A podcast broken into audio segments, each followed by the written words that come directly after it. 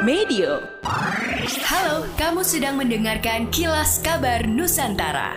Podcast persembahan KG Radio Network menyajikan berita harian yang mengangkat keunikan dari berbagai wilayah Indonesia. Kilas Kabar Nusantara dapat juga didukung oleh pengiklan loh.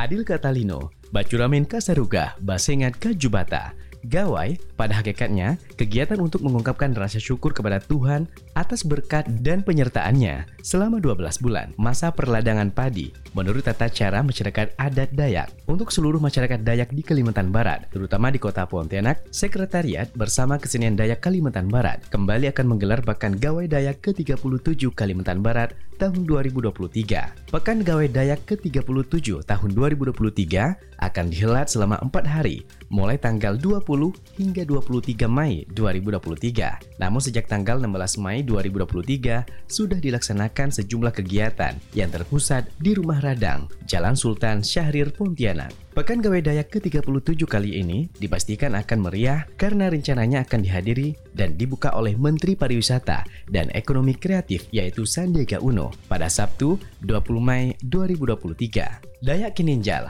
Kabupaten Melawi menjadi tuan rumah pada Pekan Gawai Dayak tahun ini. Karenanya, tarian penyambutan, ucapan adat, seluruh ornamen, dan busana panitia termasuk lomba lagu daerah akan menggunakan ciri khas Dayak Kininjal, Kabupaten Melawi. Wali Kota Surabaya Eri Cahyadi protes kepada kantor pos di Surabaya yang membagikan bantuan langsung tunai atau BLT hingga malam hari karena menyangkut keselamatan dan risiko bagi warga Surabaya terlebih bagi para lansia. Wali Kota berharap pembagian BLT tidak lagi dilakukan sore hingga malam hari namun diganti pagi hingga siang dan sehari sebelumnya warga diberikan undangan karena penyaluran BLT memang diatur langsung dan menjadi kewenangan kantor pos. Eri berharap agar surat keberatannya bisa didengar dan dipahami oleh pihak kantor pos sehingga ke depan tidak ada lagi BLT yang diserahkan pada malam hari. Pemerintah Provinsi Sulawesi Selatan kembali meluncurkan program Mandiri Benih tahap ketiga yang ditandai pelepasan 70 truk benih padi gratis oleh Gubernur Sulawesi Selatan Andi Sudirman Sulaiman di kawasan Center Point of Indonesia.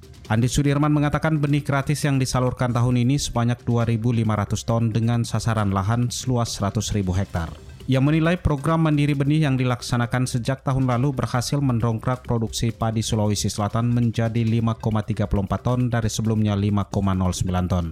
Melihat keberhasilan tersebut, Mandiri Benih berlanjut di 2023. Bahkan program tersebut telah diusulkan masuk sebagai prioritas nasional melalui Bapenas. Sementara Kepala Dinas Pertanian, Tanaman Pangan, Hortikultura, dan Perkebunan Sulawesi Selatan Imran Jausi mengungkapkan Mandiri Benih menunjukkan konsistensi dan komitmen Pemprov Sulsel yang telah dirasakan manfaatnya oleh masyarakat. Untuk itu pihaknya memperluas cakupan daerah penerima benih gratis. Tahun lalu hanya 22 kabupaten kota, namun tahun ini Mandiri Benih akan menjangkau seluruh petani di 24 kabupaten kota di Sulawesi Selatan. Demikianlah kilas kabar Nusantara malam ini.